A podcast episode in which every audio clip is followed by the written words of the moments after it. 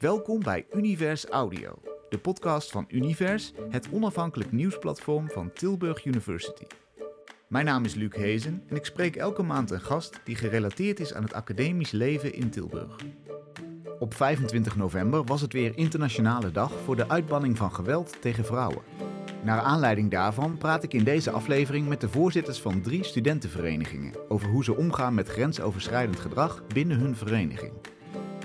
Aan tafel zit Sander Herbergs van Olof, Floris Jansen van Plato en Joost Verrek van studentenroeivereniging Vida. Joost, Sander, Floris, fijn dat jullie er zijn te praten over dit bijzondere onderwerp, een belangrijk onderwerp ook. Laten we eerst eens beginnen. Ik wil jullie graag allemaal afgaan. Zijn er grensoverschrijdende dingen gebeurd in jullie vereniging? Onlangs of ooit in de geschiedenis. Mag ik met jou beginnen, Joost, bij Vida? Nou ja, er zijn, uh, uh, er zijn absoluut meldingen gedaan met onze vertrouwenspersonen. Uh, dat is natuurlijk heel erg jammer, maar ik denk wel blij dat dat worden gemeld, want dan kunnen we daarna handelen. maar ja, het, het, zou, het zou, zou denk ik een unicum zijn als het in kroegen wel gebeurt en bij studentenverenigingen niet. Ja, precies. Daarom hechten wij ook zoveel waarde aan dit, aan dit onderwerp om, om het in de toekomst eigenlijk helemaal uit te bannen. Op welke schaal moeten we denken? Zijn er tientallen meldingen, een paar meldingen? Nee, je moet echt denken aan een paar meldingen. Dus het is niet zo dat, uh, dat iedere, week, iedere week iemand zich meldt.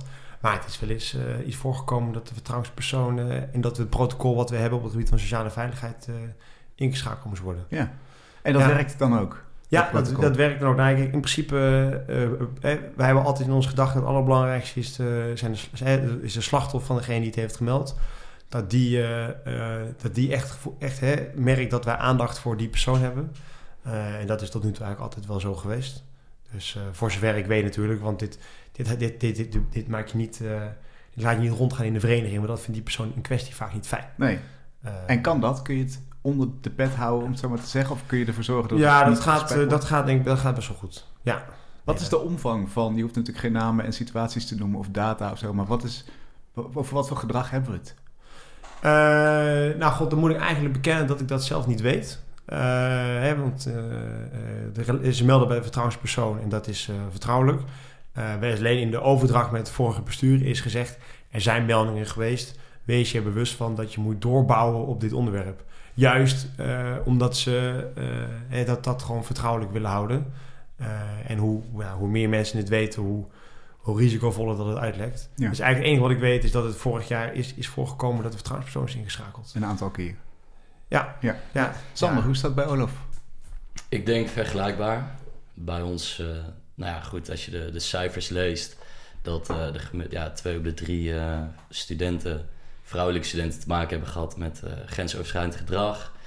Um, dan lijkt het mij sterk dat het bij ons niet zo zou zijn. Um, dus natuurlijk uh, gebeurt het bij ons, is het bij ons zijn er ook meldingen van geweest. Um, een beetje in dezelfde mate als dat ik eigenlijk van, uh, van Joost hier uh, hoor bij Vidar. En um, om terug te komen op, op, op, de laatste vraag die jij stelde. Wij verzenden bijvoorbeeld ieder jaar aan het einde van het jaar sturen wij een, een welzijnsenquête eruit. Met een aantal vragen ook over grensoverschrijdend gedrag. hierin kunnen studenten dan aangeven uh, of ze ermee te maken hebben gehad. Um, en is het voor ons overzichtelijk of de, de maatregelen die wij hebben getroffen het afgelopen jaar, of die ook daadwerkelijk geholpen hebben om de cijfers terug te dringen. En gelukkig afgelopen jaar is dat zo geweest, dus is een trend die wij, wij graag doorzetten. Um, maar daarin zie je wel dat het dus heel erg subjectief kan zijn en dat is ook wat het onderwerp zo, zo moeilijk maakt. Um, omdat op het moment dat er ja, bijvoorbeeld alcohol in het spel is, ver, vervagen grenzen. En kan iets wat voor de een oké okay is, als voor de ander als niet oké okay, uh, voelen. Um, en dat is iets waar je bewustwording van wil creëren binnen je vereniging. Dus Hoe daar zijn dat? we niet druk mee bezig. Hoe doen jullie dat? Nou, een, een initiatief dat wij dit jaar gaan opstellen is uh, een welzijnsweek. Die uh, willen wij gaan organiseren. Dat is eigenlijk een week waarin in een aantal dagen alle onderwerpen aan bod komen door middel van symposia, workshops. Um, en wij focussen ons eigenlijk op vier aspecten: uh, mentaal welzijn, fysiek welzijn, financieel welzijn en sociaal welzijn. En daarin uh, proberen wij dus de cultuur, want dat is het belangrijkste. Uiteindelijk kun je wel uh, genezen, maar uiteindelijk wil je dus voorkomen in plaats van genezen. En wil je de cultuur veranderen. Dus dat is een voorbeeld daarvan. En daarnaast werken we heel veel met campagnes zoals de Ben je oké campagne. Ehm, hebben we natuurlijk de vertrouwenspersonen. Uh, iedere jaarchat, uh, dat zijn groepsapps die je eigenlijk met al je jaargenoten hebt.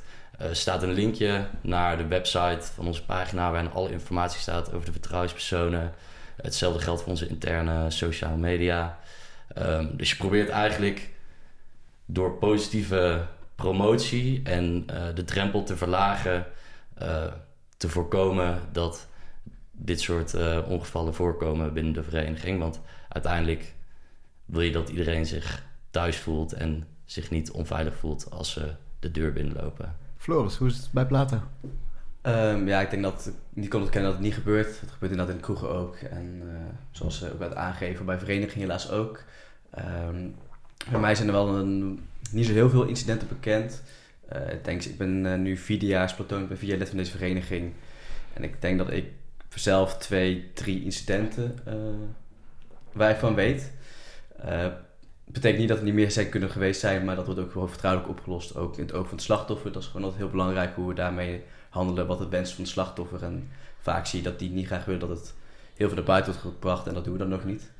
Um, wij zijn wel ook druk bezig met onze protocollen aan te passen. Je ziet wel dat er een, uh, steeds uh, meer over gepraat wordt, wat heel goed is. Uh, ik denk ook dat het wel in het verleden gewoon nog steeds te was, omdat nu mensen durven naar buiten te komen, dat het nu een hot topic is. Ik denk dat het een heel goede ontwikkeling is. Daar spelen wij ook op in. Dus onze protocollen willen we aanpassen. Daar zijn we mee bezig. Wat verandert er? Uh, het is ook wel een, een deel um, beter bekendmaken van de informatie. Maar ook um, hoe ga je om met meldingen. Um, nou, zijn we ook met, met je OK-campagne zijn ook bijvoorbeeld uh, daarmee bezig. Die helpen ons daar ook wel bij. concreet kan ik niet heel over ingaan, omdat we daar nog mee bezig zijn. Maar zo zijn er ook plannen om te kijken van oké, kunnen we bepaalde meldingen wat langer op een beveiligde manier uh, bewaken, zeg maar, uh, achter scherm bewaken, dat we, mocht een bepaald patroon ontstaan, dat we daar kunnen, vroegtijdig kunnen ingrijpen zonder dat er een officiële klacht binnen is gekomen. Het staat niet helemaal vast of dat gaat gebeuren en hoe dat dan precies werkt.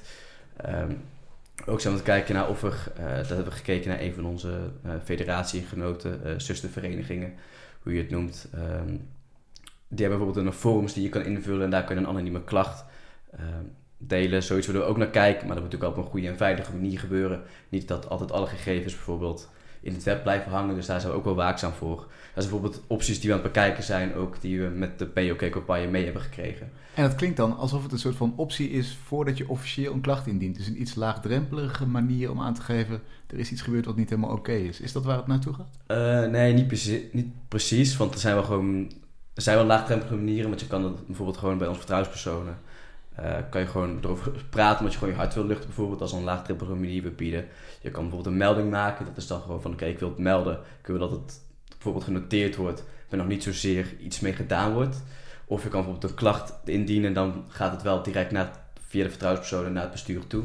En die gaan er dan uh, mee aan de slag. En dat is maar net wat de slachtoffer zelf wil, dat ligt die, uh, die verantwoordelijk ja, van nee, die persoon dat zelf bepaalt wat ermee gebeurt. Want sommigen willen niet per se dat het gelijk naar buiten wordt gebracht of, of iets. Uh, ja, en vooral willen we dus meer opties bieden om wel de melding te kunnen maken. Want dat we dus niet zoveel meldingen hebben gehad, betekent misschien niet dat ze niet zijn geweest. Ja. Dat weten we dus niet. En door die opties wel te bieden, hopen we daardoor uh, meer opties te geven. En kunnen ook zien inderdaad of het misschien dat wat minder meldingen zijn dan bij anderen bijvoorbeeld. Wat zijn jullie mogelijkheden om in te grijpen? Wordt iemand die de grens overgaat gerooieerd? Wordt iemand geschorst? Hoe gaan jullie daarmee om? Dus... Floris nog even, want jij ja, had het woord Dat is natuurlijk heel erg afhankelijk van wat er precies gebeurd is. Maar eigenlijk liggen al die opties op tafel. Um, het staat ook gewoon in ons huishoudelijk reglement. is gewoon een artikel waar je dus dan uh, op een straf kan worden. En dan, uh, ja, dan is het een uh, boete, een taakstraf, een schorsing, royering. Schorsing en royering, dat zijn wel, nou, het zijn wel dusdanig erg dat eigenlijk niet meer gekeken wordt naar een boete of taakstraf, maar gelijk door naar een schorsing van een fix aantal maanden of gewoon een royering. Ja. Um, en die zijn in het verleden ook al gegeven. Dus. Ja, Sander? Bij ons zijn er een aantal uh, dingen die, die, die kunnen doen. We hebben eigenlijk vijf stappen die gaan van berisping tot en met uh, royering ook. Um, maar eigenlijk het belangrijkste in het onderwerp is kijken naar het slachtoffer en uh, ervoor zorgen dat daar alles eerst goed gaat. En goed te kijken of diegene daar oké mee is. Ehm, want dat is het belangrijkste voor ons in ieder geval in deze zaak. Ja. Ik kan me ook voorstellen dat het slachtoffer zegt... laat die straf maar zitten. Ik wil niet dat er te veel uh, gesprek overkomt. Ik heb een melding gedaan, uh, iemand is op aangesproken... maar die hoeft misschien niet ook nog gerooieerd te worden. Is dat ook een scenario wat op tafel ligt? Nou ja, wat, wat je inderdaad aangeeft in, in deze situatie... heb je vaak inderdaad last van victim blaming. Dat uh, gebeurt. dat mensen zeggen, waarom heb je zelf niet ingrepen? Of dat mensen zelf denken... shit, waarom heb ik in godsnaam niet, niks gezegd? Um, of door mijn klacht is iemand gerooieerd en uh, mag hij niet meer bij de vereniging horen. Dat is ook nogal een zware Ja, nou ja, in ieder geval wat, hoe, wij naar kijken is... Uh, op het moment dat iemand, iemand anders zijn grens uh, overgaat... dan is diegene altijd schuldig en nooit degene bij wie het gebeurt. Um, en nou goed, kijk, zolang die persoon zich het veilig voelt uiteindelijk op de vereniging... zijn wij tevreden. En als we daarvoor iemand moeten royeren, dan doen we het, uh, met, doen we het graag. En um, uiteindelijk zijn de klachten anoniem.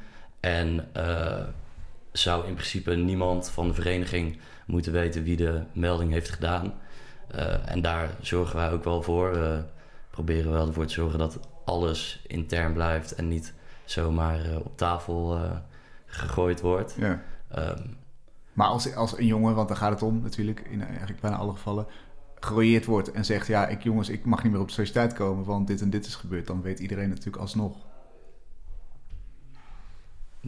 Dat, nou, dat, Valt dat mee in de praktijk? Nee, dat denk ik niet. Want um, nou ja, tenzij het echt iets zou zijn dat uh, en plein publiek zou gebeuren. Um, maar goed, als dat zo is, dan denk ik dat iedereen die erbij uh, staat op dat moment ook wel voor ogen heeft dat de reden dat hij gereageerd wordt uh, heel duidelijk is. En als het niet uh, voor het grote publiek gebeurt, maar uh, wellicht één op één, dan houden wij in ieder geval die melding volledig anoniem. Duidelijk, juist bij Vida? Ja, eigenlijk exact hetzelfde als bij Plato en Olof. De, de, de sanctionering is in dezelfde gradaties. Um, en, en, en ook hoe we daarmee omgaan is echt puur, puur specifiek. We hebben daar wat, uh, wat, wat richtlijnen in. En, uh, en die, die, het belangrijk daarbij dat het ook richtlijnen zijn. Want ieder, iedere kaas is anders. Uh, en het belangrijkste is inderdaad dat het slachtoffer uiteindelijk weer een plezierig gevoel heeft om op onze vereniging te zijn. Want het doel van onze vereniging is iedereen een leuke tijd geven. en dan, dan, daar moet je naar handelen. Dus eigenlijk sluit ik me aan wat, wat Sander en Floris hebben gezegd. Ja. Ik denk dat het slachtoffer ook altijd het middelpunt moet zijn, als ik het inderdaad zo hoor. Van, ja. De wil van het slachtoffer is wet in dit geval. Um, en als er mogelijkheden zijn zeg maar, voor een schorsing of regering, dan worden die opties bekeken. Maar daarvoor is het inderdaad wel het hoofddoel om zodat het slachtoffer inderdaad weer een plezierige tijd kan beleven binnen de vereniging zonder ja. dat ze zich onveilig voelen. Je hebt gewoon heel snel last van het. Dat merk je ook in de landelijke media. Dat als er iets gebeurt, dat er altijd meteen wordt gekeken naar de daders. Uh, en dat er soms wordt vergeten om eerst eventjes uh, te checken hoe het met de slachtoffers is. Dus bijvoorbeeld wat, wat ook uh, in ons protocol sociale veiligheid staat, is mocht dus of, of de vertrouwenspersoon en als de melding is doorgestuurd naar het bestuur, dan wordt hij altijd twee weken na een incident even gecheckt. Hey, hoe is het met je? Maar een half jaar erna wordt gewoon in de agenda gezet van het desbetreffende bestuur die die verantwoordelijkheid heeft. Half jaar erna gaat hij weer even kijken, hoe, hoe is het met je? Want juist die nazorg, daar hechten wij eigenlijk heel veel waarde aan. Dat, dat, dat is juist het idee dat iemand weet, oké, het, is niet, het is niet vergeten en uh, uh, er wordt aan mij gedacht om mij een leuke tijd te geven. Ja. Dus we altijd twee keer na een incident controleren wij bij het slachtoffer, hoe is het met je? En hoe is het echt met je? En niet even vluchtig op, op, de, op, op de sociëteit met een biertje. Nee, dan wordt hij even gebeld of gewoon uh, in de middag, zeg maar, wordt even, wordt even een afspraak gemaakt. Mocht het slachtoffer dat willen, hè, dat doen we niet zo, die nog een afspraak willen, maar kan ook gewoon met een belletje of met een appje af. Maar gewoon net wat die persoon zelf wilt. Ja, jullie gaan natuurlijk allemaal over je hele vereniging. Er zijn binnen verenigingen ook disputen. Die hebben eigenlijk een eigen kosmosje soms. Daar heb je misschien als bestuur maar deels overzicht over en inzicht in. Is het nou zo dat jullie altijd weten wat er bij de disputen gebeurt? Of gaat het daar vaak mis? Een beetje uit het zicht van de verenigingen? Nou, wat het, uh, wat, kijk, wat het heel lastig is, je kan niet controleren wat er gebeurt in de woonkamer van een huis. En uh, die denk ik ook heel uh, een, eh, la- hoe- dus je, je begeeft je op gevaarlijk gebied als je als verenigingsbestuur gaat zeggen... ik wil weten wat er in de woonkamer van iemands huis gebeurt. In een dispuutshuis In bijvoorbeeld. een dispuutshuis, ja. Dus dat, eh, daar, daar durf ik niet zo over te zeggen hoe, hoe je dat moet aanpakken. In principe is het ook... eh, je kan niet zomaar bij iemand thuis aankloppen en zeggen... ik wil even weten wat hier allemaal gebeurt. Nee. Ondanks dat hij wel onderdeel is van de vereniging. Dus daar, daar, daar, daar zitten wij soms inderdaad ook mee van hoe, hoe doe je dat? En net zoals dat de politie niet zomaar een huis binnen mag vallen... la- laten we een beetje vreemd lijken als...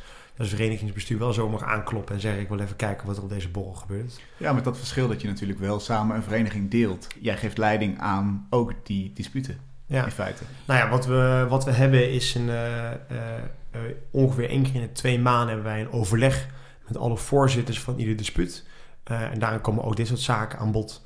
En wij, wij, wij willen wel heel graag handelen uit vertrouwen. Dus als we dan iets afspreken met ze dat, zij, dat zij dat gaan naleven, zoals bijvoorbeeld ons protocol sociale veiligheid, dat het ook wordt gedaan. Ehm, maar dat is wel een beetje hoe wij er nu in staan. Want ja, in de woonkamer, dat, ja, dat is lastig te controleren. Ja, ben je eens, Sander van Olof? Ja, ik, ik kan me hier wel in, in vinden. Ja, wij, wij hebben zelf eh 26 dispuutshuizen. Nou, we zijn met zes man bestuur. Dus eh, om eh, overal te controleren is, is vrij eh, onmogelijk, aangezien je zelf ook zaken op de vereniging moet regelen. Ehm, wij controleren bijvoorbeeld wel tegenwoordig bij eh dispuutsontgroeningen. Dan eh, komen we onvrachts binnen om daar eh, te kijken hoe het eraan toe gaat, zodat we daar een goed beeld van hebben. En eh, daarin ook bepaalde nou, culturen die daar wellicht uit voortkomen kunnen eh, corrigeren. En daarnaast inderdaad, wij hebben ook een overleg met alle voorzitters van alle disputen, één keer in de twee maanden. ehm, waarin dus ook dit soort zaken besproken worden. En waarin wij bijvoorbeeld ook eh, eigenlijk vanuit ons eh, verplichten om eh, bijvoorbeeld ons protocol grensoverschrijdend gedrag, om die tijdens de dispuutsvergadering met z'n allen door te nemen. zodat iedereen op de hoogte is van hoe wij daar als vereniging in handelen. Ja. Floris? Ja, we hebben ook bijvoorbeeld van die overleggen met onze eh voorzitters van de verschillende disputen. Eh zulke dingen bespreken we dan ook. Eh, verder is het gewoon heel lastig om dat bij de huizen te controleren van wat daar gebeurt. We hebben veel minder dispuutshuizen. Dus als we dat ook allemaal willen controleren, moet je wel heel veel huizen langs gaan. Ehm, maar ik denk dat het belangrijk is, wat wij wel kunnen doen, is een bepaalde cultuur proberen te creëren.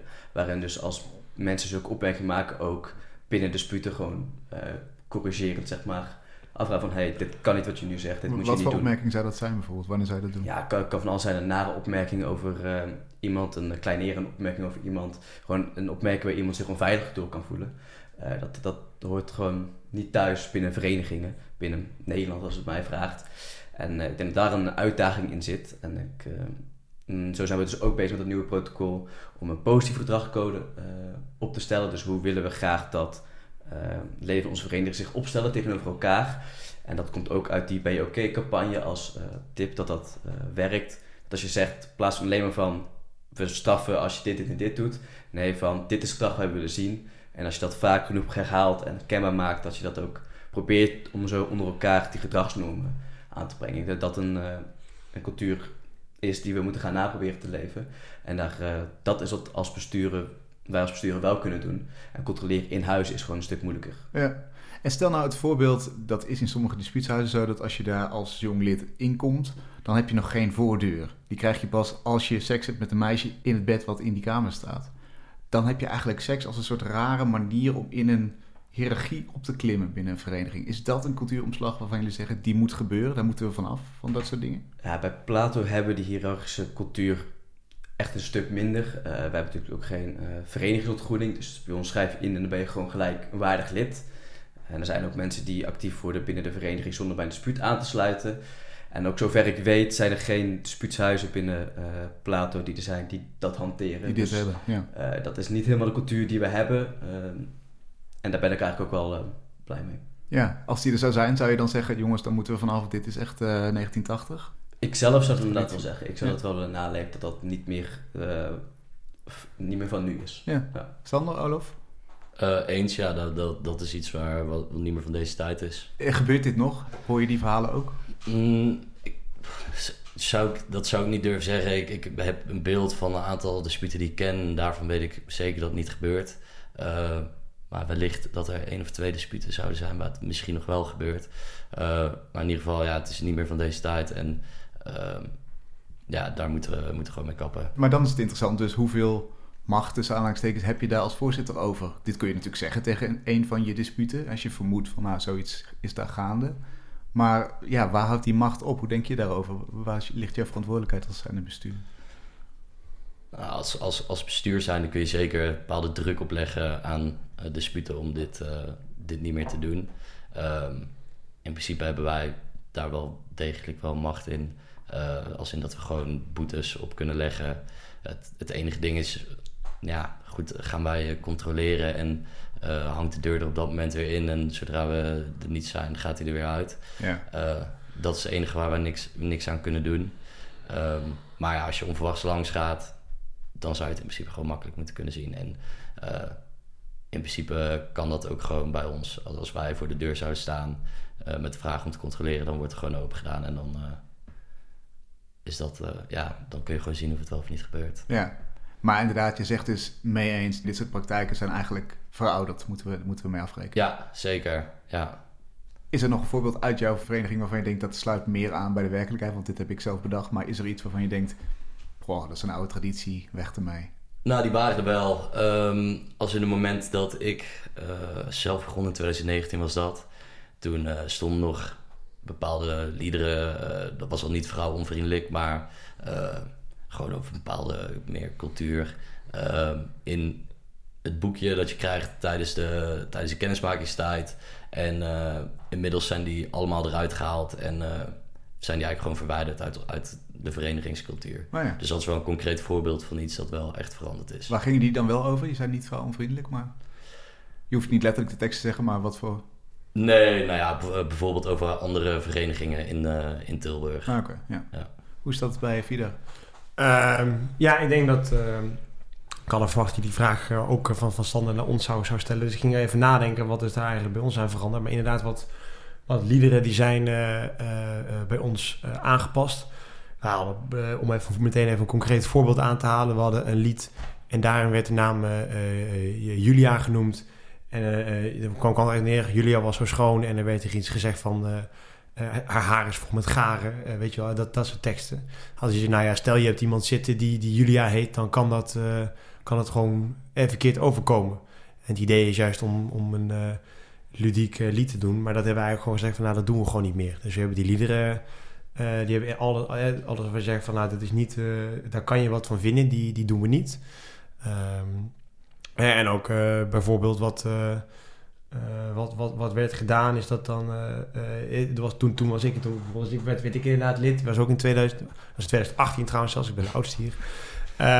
toen dan moet je in de KMT moet je dan op de, op de grond zitten. Kennismakerstijd. Kennismakerstijd, sorry, de kennismakerstijd. En dan moest je op de grond zitten. En dan was er, waren er twee of drie fijne banken waren er dan. En mocht iemand vanuit de introductiecommissie een knappe vrouw vinden, dan mocht je even een half uurtje zitten op die bank. Mm. En dat soort dingen, die doen we niet meer. Dus dat is even wat concrete voorbeelden die, die, die, die ik nu even zo 1, 2, 3 uit mijn, uit mijn mouw kan schudden. Ja. Waarvan ik denk positieve ontwikkeling.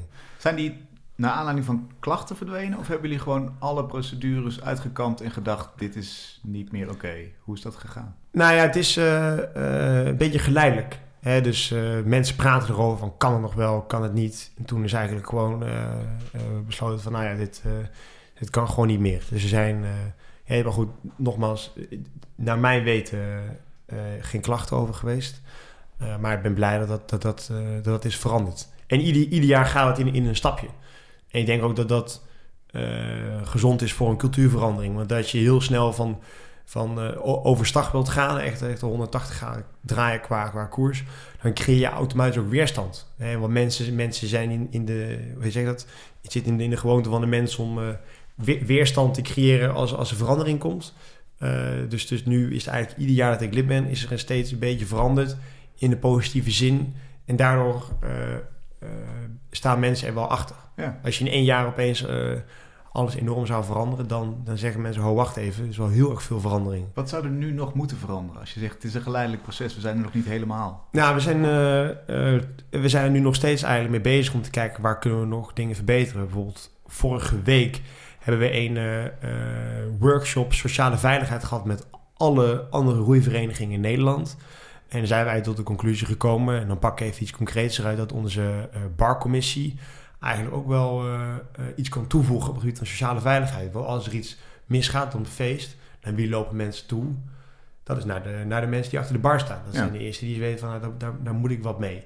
Dus we gaan nu in gesprek, eh, dat hebben we toevallig vanochtend besloten met, met het vol- voltallige bestuur, om even met de bar, barcommissie in gesprek te gaan van, goh, we willen misschien jullie, jullie positie op een feest, dat we daarin eigenlijk versterken en benutten om, om, om hier veel strakkere lijn op te hebben.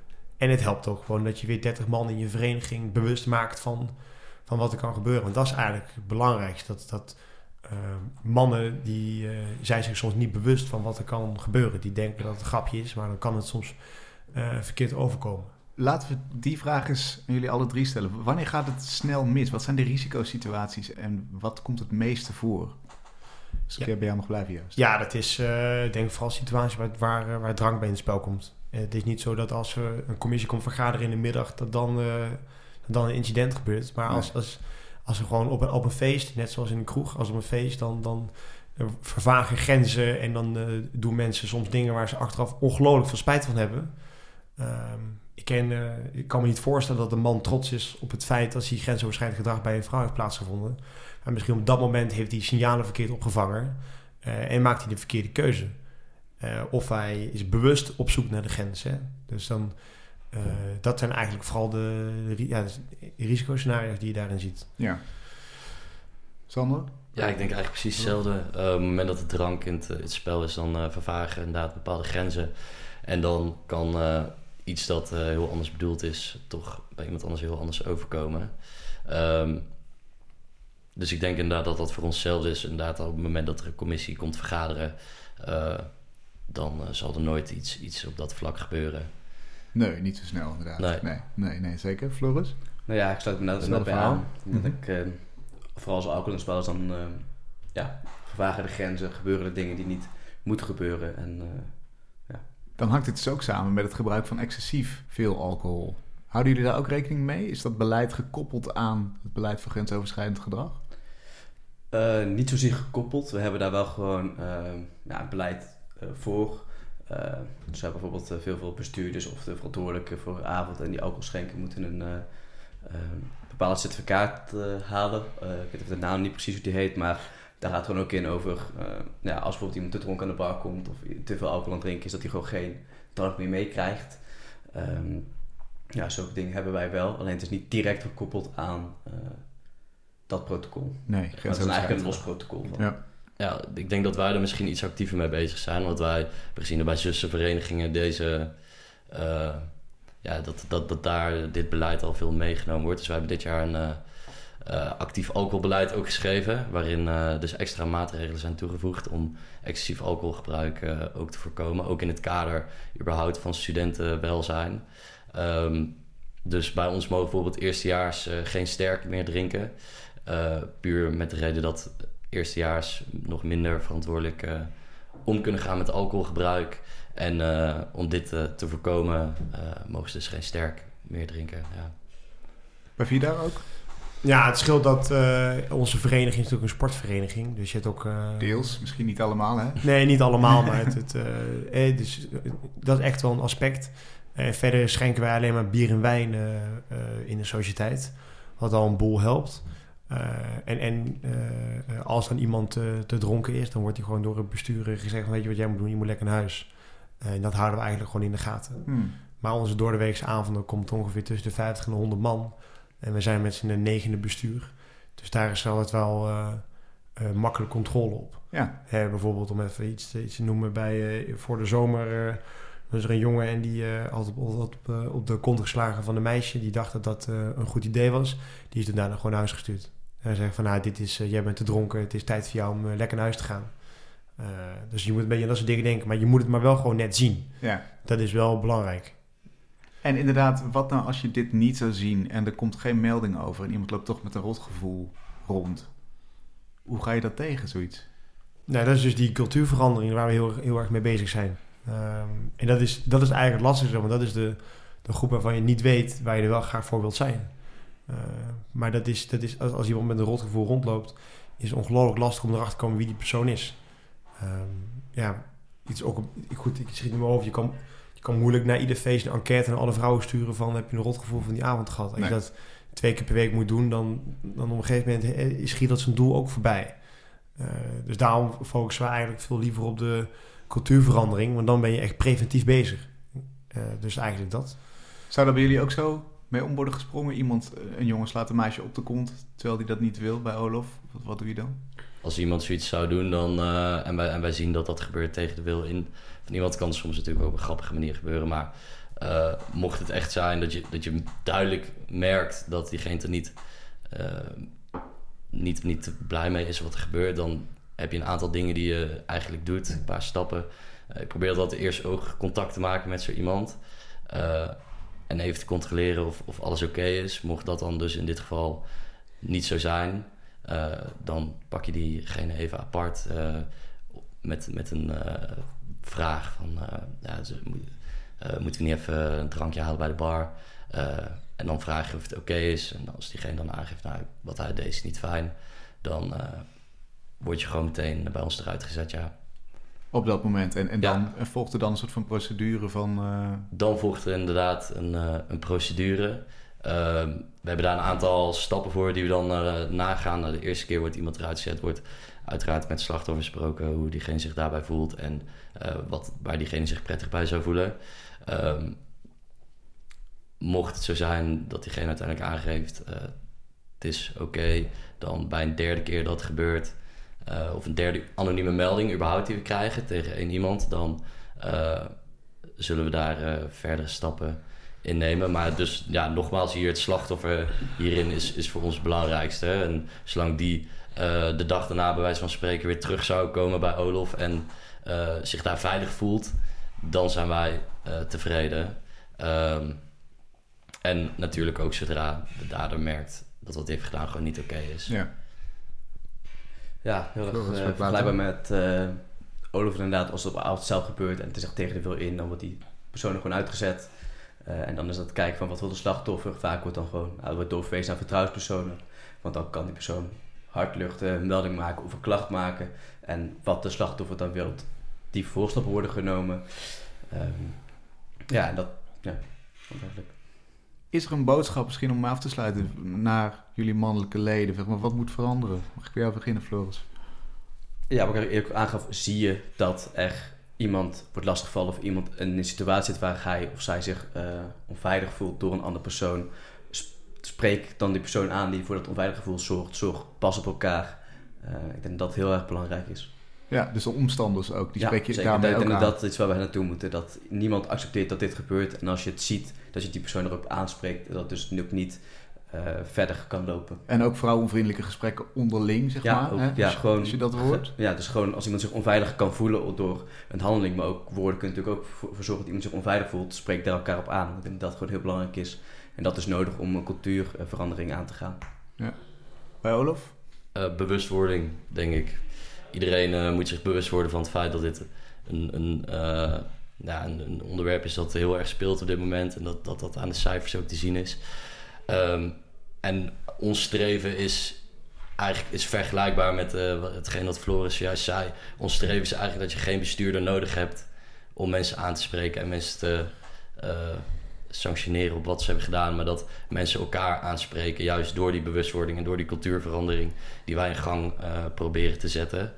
Um, en dat dus, ja, zoals ik zei, geen bestuur meer nodig is, maar mensen elkaar gewoon aanspreken en daardoor uh, voorkomen wordt in plaats van uh, genezen. Ja, dankjewel. Juist, Vida? Ja, eigenlijk exact hetzelfde. En eigenlijk het belangrijkste is dat, wel wat wij ook graag willen doen, is dat we in gesprek blijven gaan met andere uh, verenigingen in Nederland, als Plato, Olof, maar ook andere roeiverenigingen. Want we moeten ook gewoon van elkaar leren daarin. Uh, en ook samen optrekken. Als je samen voor die cultuurverandering gaat, dan, uh, dan, dan, dan heb je veel meer overgewicht. Als je zelf in je eentje het gaat proberen, dan is dat lastig. Maar ik denk dat, eh, dat we nu de goede, goede kant op, op gaan, maar dat we er nog lang niet zijn. Hmm. Ehm, maar verder helemaal eens met wat er toen nu is gezegd door, door Sander en Floris. Ik wens jullie heel veel succes met de cultuurverandering. En bedankt voor dit gesprek. Dankjewel. Dankjewel. Tot zover deze aflevering en daarmee ook de hele reeks van Univers Audio. Dit was de allerlaatste. Heel veel dank voor het luisteren.